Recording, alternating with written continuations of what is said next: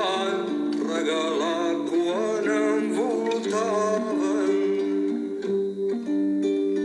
somnis dels meus setze anys encara adolescent. La guitarra, la diglòsia i el la-la-la de l'enfadós.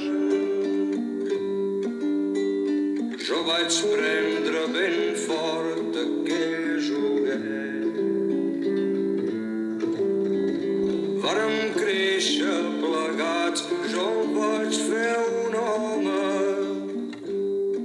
Joan Manuel Serrat va néixer al poble sec de Barcelona l'endemà de Sant Esteve del 1943. Ja en són 79, pim-pam, com aquell qui diu. Ha pres una sàvia decisió que no tothom sap prendre temps, plegar per voluntat pròpia i fer-ho bé.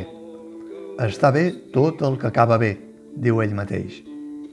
L'últim dels tres concerts al Palau Sant Jordi, divendres 23 de desembre, té un valor excepcional. Hi han passat unes 45.000 persones i els últims 15.000 se senten uns privilegiats. Hi ha barreja d'emocions i de generacions i predominen els de la quinta del cantant, però també n'hi ha de 60, de 50, de 40, de 30 i algú d'encara de més avall. Joan Manuel Serrat no té fronteres d'edat. El concert és únic i musicalment impecable, amb unes 23 peces escollides d'entre el seu extensíssim repertori. La formació de músics que l'acompanya és de primeríssima fila i el duet a dues veus, amb la viola Uixi Amargós, quan arriba l'emblemàtica cançó És caprichoso el azar, un moment sublim. Joan Manuel Serrat ha fet una tria molt personal, 12 en català i 11 en castellà. Arrenca amb Temps era temps i passa per Cançó de Bressol, El carrusel del furo, Seria fantàstic, Me'n vaig a peu, Algo personal, Pare, Cançó de matinada, Para la libertad, El meu carrer, Barcelona i jo, La tieta, Plany al mar, Mediterráneo, Paraules d'amor. Joan Manuel Serrat parla poc. Recorda l'avi, el pare, la mare, la tieta, el seu carrer. Un guió amb poques improvisacions. El concert és una festa, perquè Serrat ho vol així, però també un plany pel mar que ja és una claveguera, com ell mateix va pronosticar fa 50 anys, i té un record per als immigrants que hi perden la vida. Serrat es vol sentir segur i no dir res que estigui fora de lloc, i entre cançó i cançó ho fa sempre en català. Les últimes paraules les vol dedicar a tota la seva família, els que ja no hi són i els que ara l'acompanyen, des dels avis i oncles assassinats pel feixisme a Belchite fins als nets que ara li omplen la vida. Però algú del Sant Jordi que es creu que pot exigir que li parlin en espanyol reclama en sec que Serrat hi parli.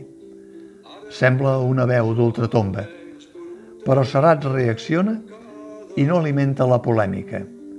Això, vinga, en castellà, que així ens entendrem tots. I fa el panegíric d'agraïments en castellà. Els que ja no hi són, i aquí ho deu tot. Salvador Escamilla, Quico Sabater, Joan Uller, la diglòsia ha fet presència al Palau Sant Jordi. Un de sol sobre 15.000, pot més que 14.999. Els altres 14.999 no diuen ni piu. Diglòsia passiva.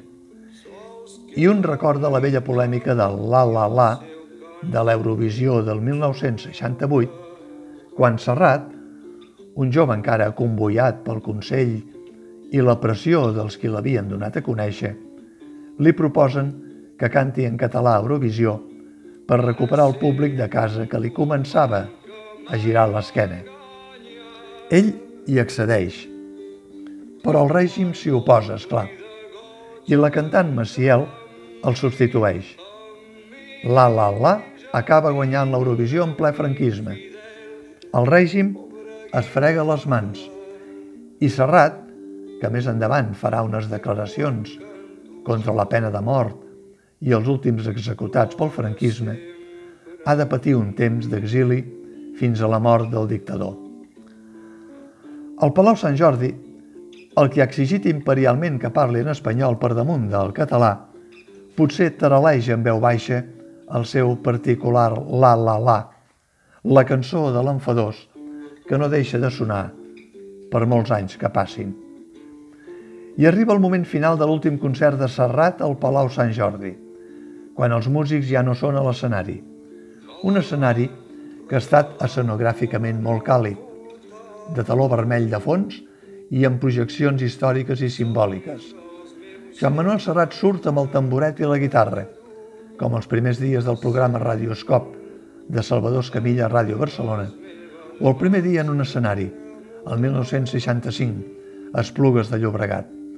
I Serrat acaba com va començar, tal com va fer també Raimon amb El vent, al Palau de la Música, per cert, un dels bons amics que té, convidats a primera fila de l'últim concert del Sant Jordi. Serrat acaba amb una guitarra, una cançó d'adolescent dels seus 20 anys, dedicada al primer instrument de les cordes que s'ha adoptat després com una cançó d'amor. Però a l'últim moment salta l'anècdota. La guitarra no acaba d'estar afinada. El noi del poble sec se n'adona i amb un gest contrariat talla i demana perdó i admet aquesta guitarra no funciona. S'aixeca del tamboret i encara amb el micro activat remuga. Quin final? Un final com un cagarro. Canvia de guitarra i torna al tamboret vermell. I es tanca el cercle. Primer els amics arriben. Quan els amics se'n van, sols queda una guitarra per fer d'acompanyant. Serrat, sense americana, embolcallat d'aplaudiments, fa un mutis discret com aquells clowns que desapareixen silenciosament cortinatge enllà.